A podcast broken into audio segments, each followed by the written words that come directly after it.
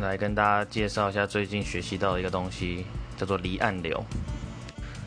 离岸流顾名思义就是远离海岸的海流。